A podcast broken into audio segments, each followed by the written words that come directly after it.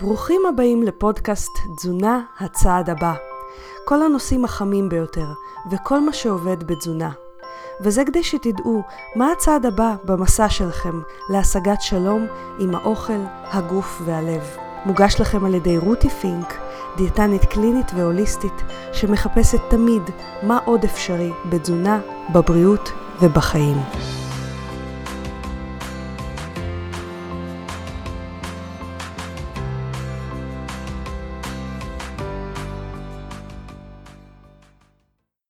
היי חברים וברוכים השבים. למי שמצטרף לראשונה ועדיין לא מכיר אותי, אני רותי פינק, דיאטנית קלינית והוליסטית, מומחית בתזונה דלת פחמימות וצום לסירוגין, ועוזרת למטופלים שלי לאזן סוכר, משקל ואכילה רגשית בעזרת כלים תזונתיים ונפשיים.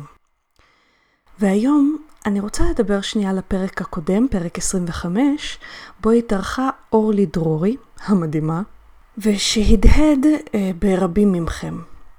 הפידבקים שקיבלתי היו פשוט מדהימים. הרבה אנשים הבינו שאכילה רגשית זה משהו שמצריך טיפול. הרבה אנשים סיפרו שבעקבות הפודקאסט משהו בהם נפתח לאפשרות לטפל בעצמם, בנפש שלהם. ובכלל הבינו את החשיבות של זה בחיים שלהם. ובגלל שהפרק הזה היה כל כך משפיע וכל כך מושמע, זה חיזק אצלי הבנה מסוימת דווקא כמנחת הפודקאסט הזה. ידע הוא חשוב, והידע התזונתי הוא חשוב, אין לו תחליף. יחד עם זאת, התגובות המדהימות והחמות שלכם גרמו לי להבין עד כמה הדיבור על הנפש חשוב לכם בהקשר התזונתי. כאילו, תמיד ידעתי את זה בקליניקה, ואני תמיד משלבת גם גוף וגם נפש בקליניקה. אבל הפתעתם אותי כמה זה משמעותי לכם לשמוע את זה עוד בפודקאסט עצמו. אז למי שלא הקשיב לפרק 25, ממש מומלץ לעשות את זה, כי הפרק הנוכחי הוא העמקה של הפרק הקודם. אבל, אל דאגה, למי שלא הספיק להקשיב, אני אזכיר בקצרה את הדברים הרלוונטיים מהפרק הקודם, 25, כשאדבר על התכנים של היום, ואחרי זה פשוט תעשו לעצמכם טובה ורוצו להקשיב לפרק 25.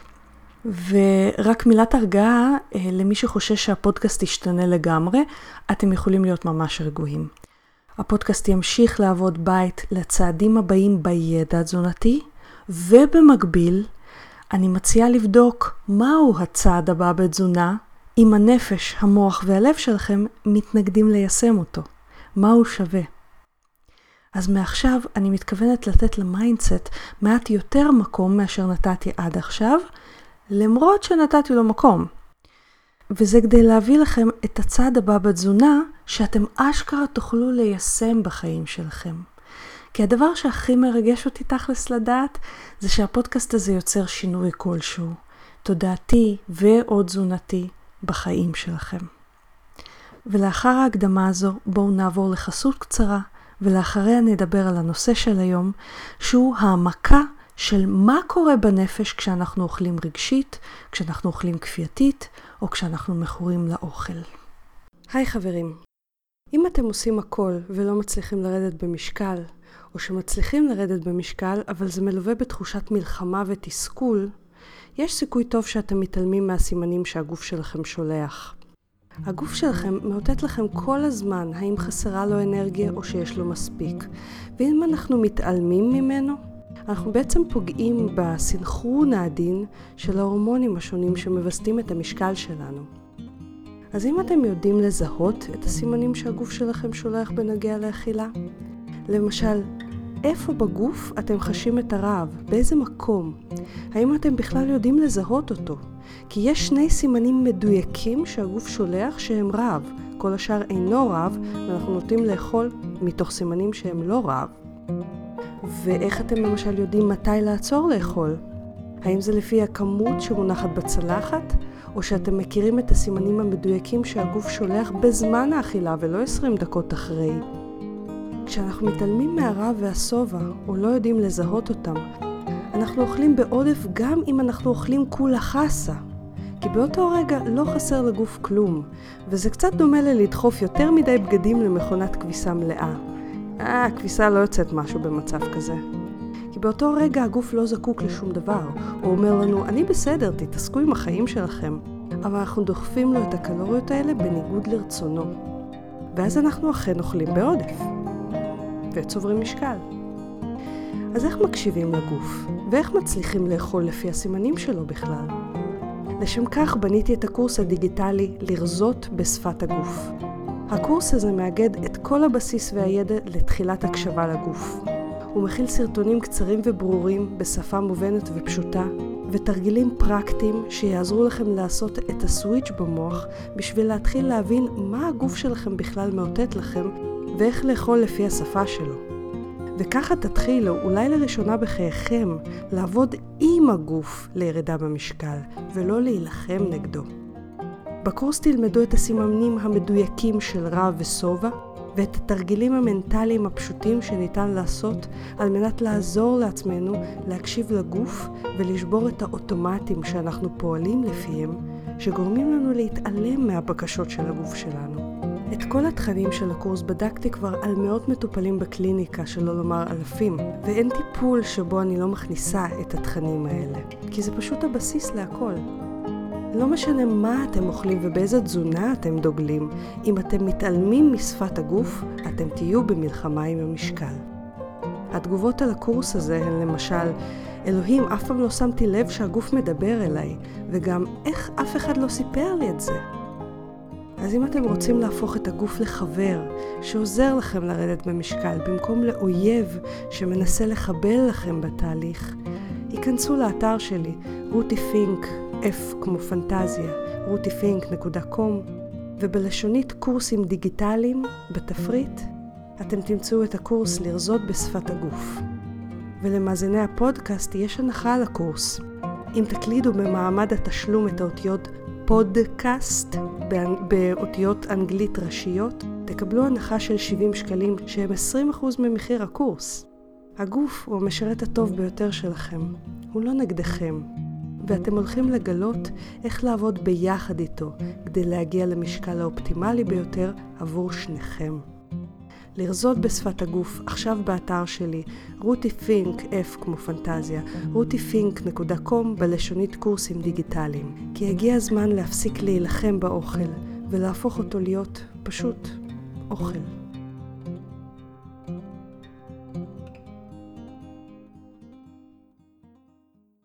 אז מה קורה בנפש שלנו כשאנחנו מכורים לאוכל?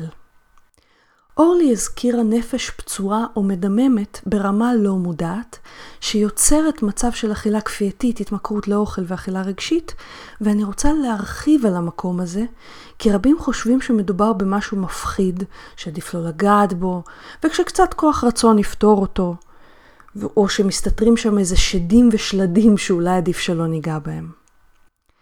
אבל למען האמת, הלא מודע שלנו הוא דבר טוב ודבר מיטיב.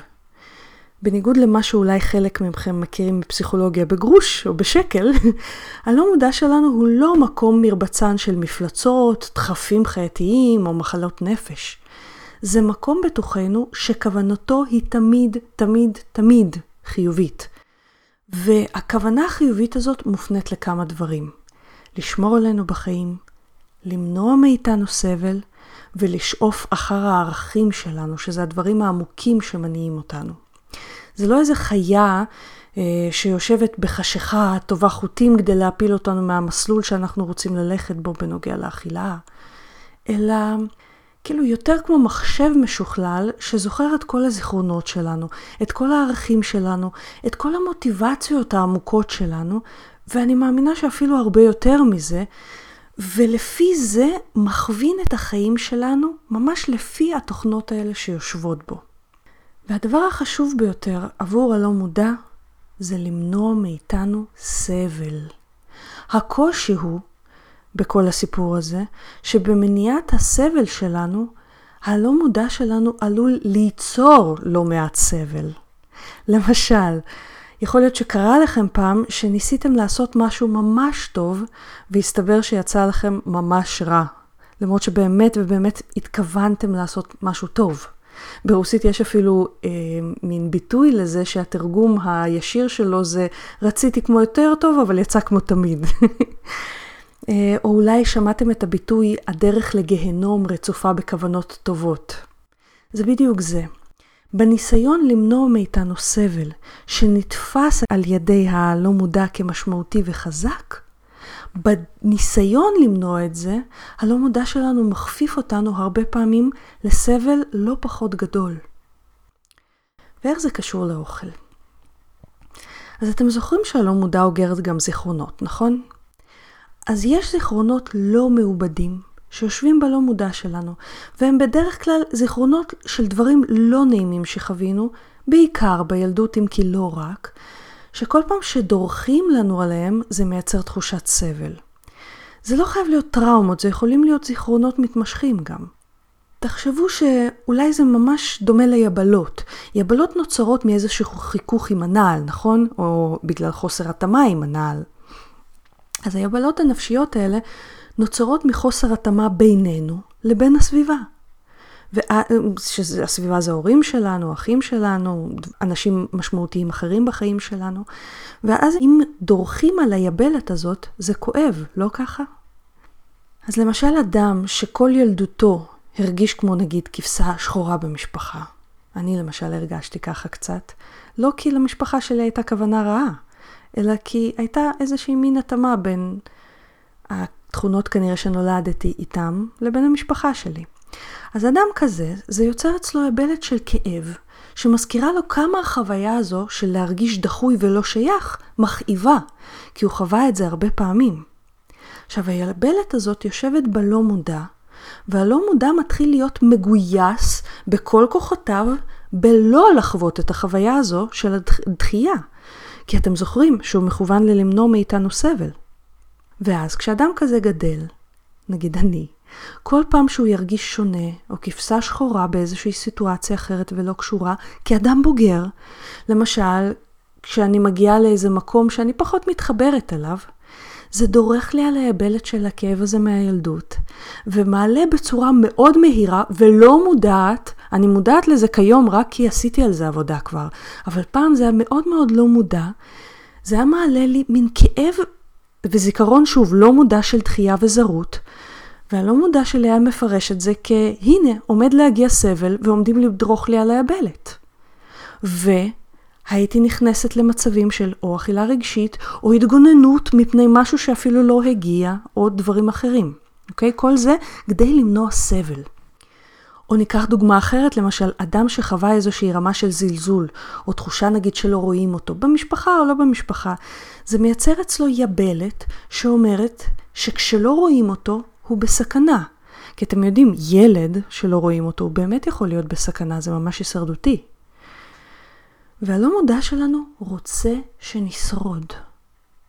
אז במצבים לחלוטין לא קשורים, כבר כבוגר, למשל כשלא שמו לב לבגד החדש של האדם הזה שהוא לבש, הלא מודע מפרש את זה כלא רואים אותי, ומופעל אותו הכאב של היבלת הזאת. עכשיו, מאוד מאוד חשוב לומר שזה קורה הרבה פעמים ללא שנהיה מודעים לכך, וזה קורה לכולם. זה לחלוטין לא קשור לרמת המודעות או לרמת האינטליגנציה שלנו. כאילו, אתה יכול להיות אדם סופר מודע, את יכולה להיות אישה סופר אינטליגנטית, ועדיין המנגנון האדיר הזה של הלא מודע יתעורר בלי שנשים לב לזה. גם אצלי זה קורה, שלא תחשבו שאני פתורה. במקומות שעבדתי על זה, אם זה מתעורר, אני כבר שמה לב לזה ויודעת למה לעשות עם זה, וכבר יש לי כלים לזה, ואיבדתי את זה. אבל במקומות שאני לא מודעת לזה, אין לי מושג שזה קורה. ואז למשל אחרים יכולים לראות את זה ואני לא שמה לב לזה. זה קשור למנגנונים אחרים בנפש שפחות נעמיק בהם כרגע. אבל פשוט חשוב לי להדגיש את זה, כי זה שהיבלת הזאת מתעוררת לא אומר שום דבר על מי או מה שאתם כאדם. בדיוק כמו שאם תהיה לכם יבלת אמיתית על הרגל, זה לא יגיד שום דבר עליכם כאדם, כי אתם הרבה יותר מהיבלת הזאת, לא ככה? ועדיין, אולי אתם לא מבינים איך זה קשור לאוכל. אז אנחנו ממשיכים ומיד הכל יתבהר לכם. ולצורך ההבנה, אני מזמינה אתכם לחשוב מה היה קורה אילו הייתה לכם יבלת מציקה ברגל והייתם עדיין צריכים ללבוש נעל שעלולה להכאיב ביבלת הזאת. מה הייתם עושים? הייתם לובשים אותה בכיף? או שאולי הייתם מעדיפים לשים דווקא פלסטר על היבלת הזאת, כדי כן ללבוש את הנעל. אני מעריכה שרובכם עונים לעצמכם שהייתם מעדיפים לחסוך את הכאב של היבלת ולשים פלסטר עליה כדי שלא תכאב וכדי שתוכלו ללבוש את הנעל, נכון? או לחליפין להחליף נעל כמובן. אותו הדבר קורה עם הכאבים הנפשיים שלנו. יש לנו לא מעט יבלות כאלה, מהילדות או מדברים אחרים שחווינו. כי מה לעשות שהעולם הזה לא מושלם ולפעמים גם מכאיב. וכל אחד חווה אי אלו כאבים או טראומות בילדות שלו או בבגרות שלו. כל אחד. אין אדם שהייתה לו ילדות מושלמת. הסבל שזור בחיים שלנו ולא יעזור בית דין. אבל למרות הכאבים האלה והחוויות האלה שמכאיבות לנו והיבלות האלה שאנחנו מנסים להימנע מהם, אנחנו הרי עדיין אמורים לתפקד בעולם הזה, נכון? אז מה אנחנו עושים בשביל לתפקד בעולם הזה למרות הכאבים והיבלות שלנו? נכון מאוד. אנחנו שמים פלסטרים. ואבי הפלסטרים בעולם המערבי, העולם המערבי שבו האוכל המנחם, הממכר והג'אנקי הזה זמין בכל פינה, אבי הפלסטרים הוא האוכל. ובני הדודים שלו, סיגריות, מריחואנה, סמים או מסכים אפילו. כל אלה הם אמצעים ממסכים. הם ממסכים על הכאב של היבלות האלה ומאפשרים לנו לתפקד מבלי שזה יפריע לנו משמעותית לחיות את חיינו. רק שלפלסטרים האלה יש מחיר, ועל המחיר הזה אנחנו נדבר מיד אחרי חסות קצרה. צום לסירוגין הוא מסוג הדברים שבהתחלה נשמעים קיצוניים וממש בלתי ניתנים לביצוע. אבל כשאנשים שומעים את היתרונות של הצום לסירוגין, הם מתחילים לשקול, hmm, אולי זה לא כזה קיצוני אחרי הכל. אז אני כאן כדי לספר לכם שבמחקרים רבים צום לסירוגין הוכח כעוזר להפחתת אינסולין, הפחתת סוכר, ירידה במשקל, הפחתת מינון תרופות שונות, פחות התעסקות עם האוכל, שיפור קוגניטיבי, הפחתת סיכון לסרטן, שיפור בנפיחות במערכת העיכול, עלייה באנרגיה ועוד ועוד. ואני יודעת שזה נשמע לא יאומן, או כמו הפרסומות הזולות האלה לאיזה גלולת קסם שתפתור לכם כל צרה. אבל האמת היא שכל מה שאמרתי עכשיו מופיע בספרות המדעית. הבעיה היא שרוב האנשים שמתחילים עם צום לסירוגין עושים את זה בצורה שמפריעה להם להצליח, מקשה על הדרך ובלי הידע הדרוש, ואז אומרים שזה קשה מדי וזה לא עובד. למשל, הם מתחילים עם פרוטוקול צום לסירוגין שלא מתאים עבור המטרה שלהם, כי יש פרוטוקולים שונים והם מתאימים למטרות שונות יותר או פחות. או אנשים לא יודעים איך להימנע מתופעות הלוואי האפשריות שממש ממש פשוט להימנע מהם, למשל סחרחורת, או עושים דברים שדווקא יוצרים עלייה מיותרת בתיאבון במקום ירידה שלו. כי כן, צום לסירוגין בהחלט יכול להוריד תיאבון. נשמע לא יאמן, נכון? אבל זה רק אם עושים אותו נכון. ואם לא עושים אותו נכון, במקרה הטוב צום לסירוגין לא יועיל, ובמקרה הרע הוא אפילו יכול לסכן אתכם. אז לאחר שנים של עבודה עם צום לסירוגין בקליניקה וחפירה לעומק ולרוחב בנוגע לצום לסירוגין במחקרים, הבנתי שאני חייבת להוציא לאור את הקורס המקיף ביותר בישראל על צום לסירוגין, שייתן לכם את כל הכלים להתחיל ולהצליח בצום לסירוגין. למשל, כדאי שתדעו איזה סימני אזהרה קיימים להפסקת הצום, או איך לתזמן את האכילה, או איך לעבוד עם הרב שהוא יהפוך להיות חבר שלכם ולא אויב שלכם, או תפריטים לדוגמה. או, וזה הכי חשוב, איך לבחור נכון את הפרוטוקול שמתאים לכם ולהימנע מתופעות לוואי, ולמה לצפות בכלל בהתרגלות של הגוף לצום, כי יש גם שלב התרגלות של הגוף, ורבים וטובים נשברים בלי לדעת שהוא ממש ממש אוטוטו עובר.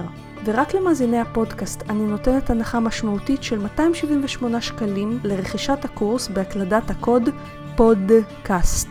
ובשביל להשיג רק את היתרונות של צום לסירוגין ללא החסרונות, עברו ללינק שמצורף מתחת לפודקאסט לקורס אכילה לסירוגין לבריאות והרזייה, ונצלו את הקוד כדי להתחיל את אורח החיים שיחסוך לכם המון כאב ראש, זמן וכסף.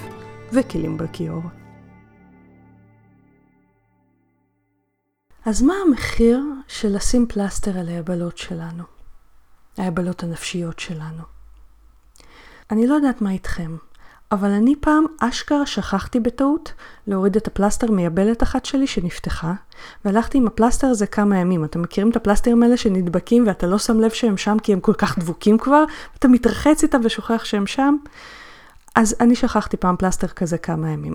זה כאב קצת, אבל לא ייחסתי לזה יותר מדי חשיבות, כי אתם יודעים, יש שם יבלת, וכי זו הייתה תקופה עסוקה והראש שלי ממש לא היה שם יותר מדי.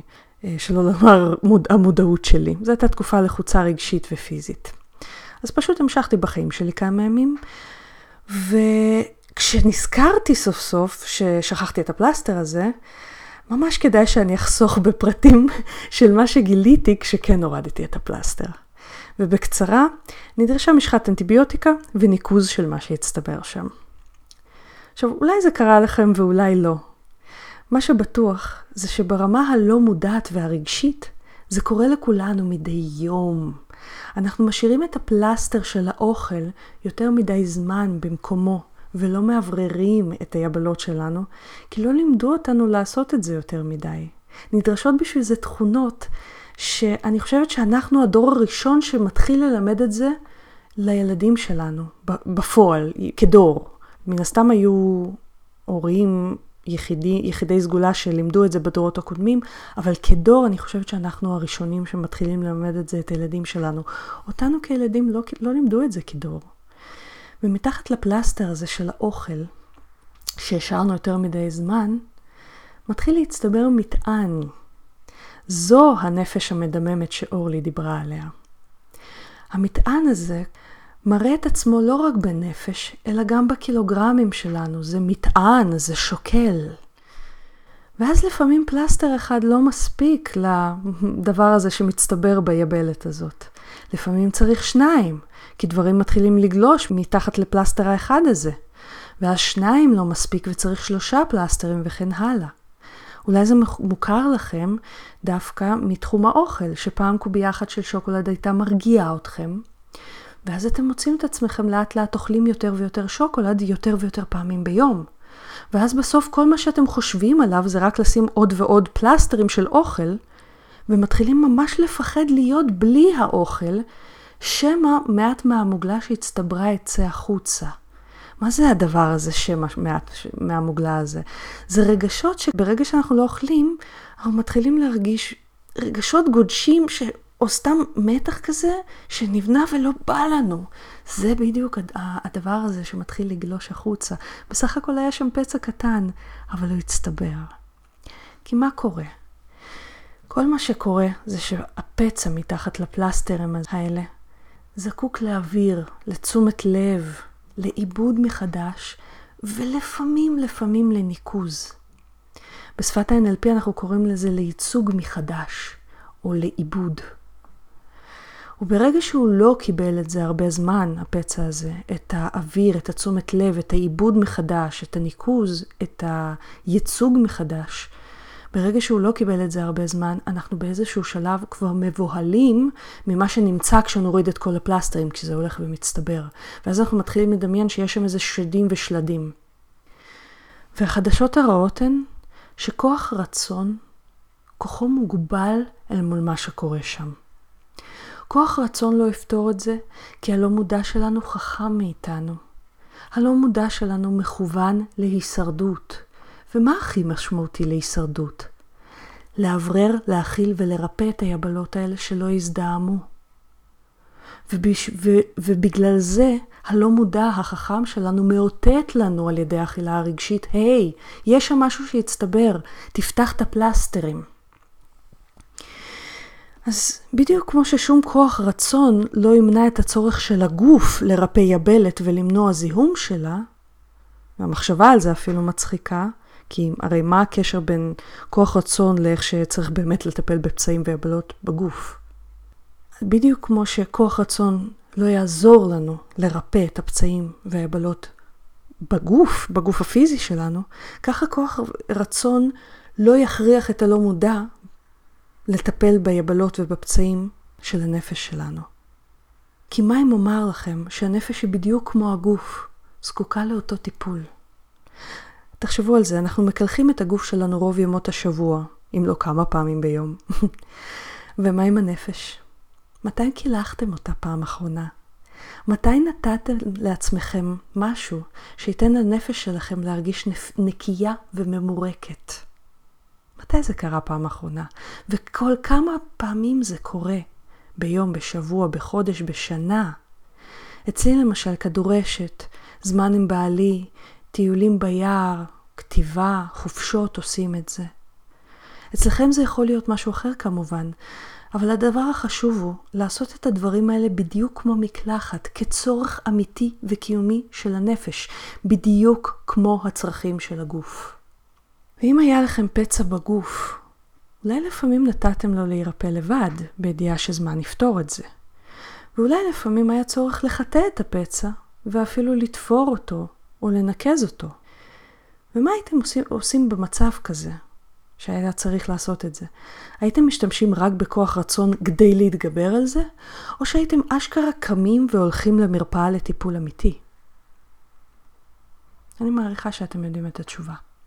ובגלל זה אני פשוט עצובה כשאנשים מדברים על כוח רצון, ושכל מה שצריך זה כוח רצון כדי להתגבר על אכילה רגשית. כן, צריך לרצות שינוי כדי שזה יקרה, כדי שהוא יקרה. אם אתם לא רוצים את השינוי, אתם לא תעשו שום דבר בשביל שהוא יקרה, אוקיי? אבל לרצות שפצע ירפא, לא בהכרח ירפא אותו. כי לפעמים צריך אשכרה לטפל בפצע כדי לרפא אותו.